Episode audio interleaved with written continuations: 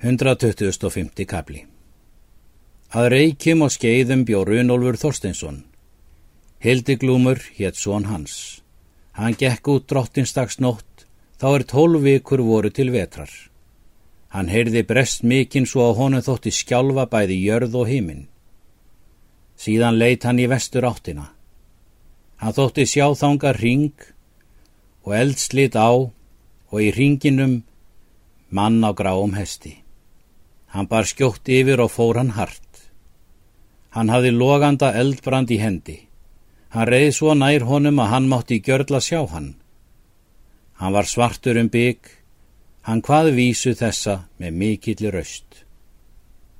Ég ríð hesti hélug barða, úrig toppa, illa valdanda, eldur er í endum, eitur er í miðju, svorum flosa ráð sem fari kepli og svorum flosa ráð sem fari í kepli.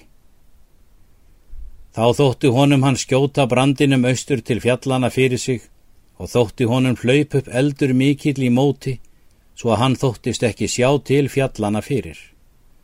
Honum síndi sjá maður ríða austur undir eldin og hvar þar. Síðan gekk hann inn og til rúmsins og fekk langt óvitt og rétti þó við úr því.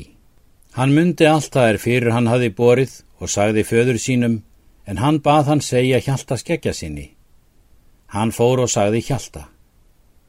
Þú hefur séð gandreið, segir Hjalti, og er það jafnan fyrir stórt tíðendum.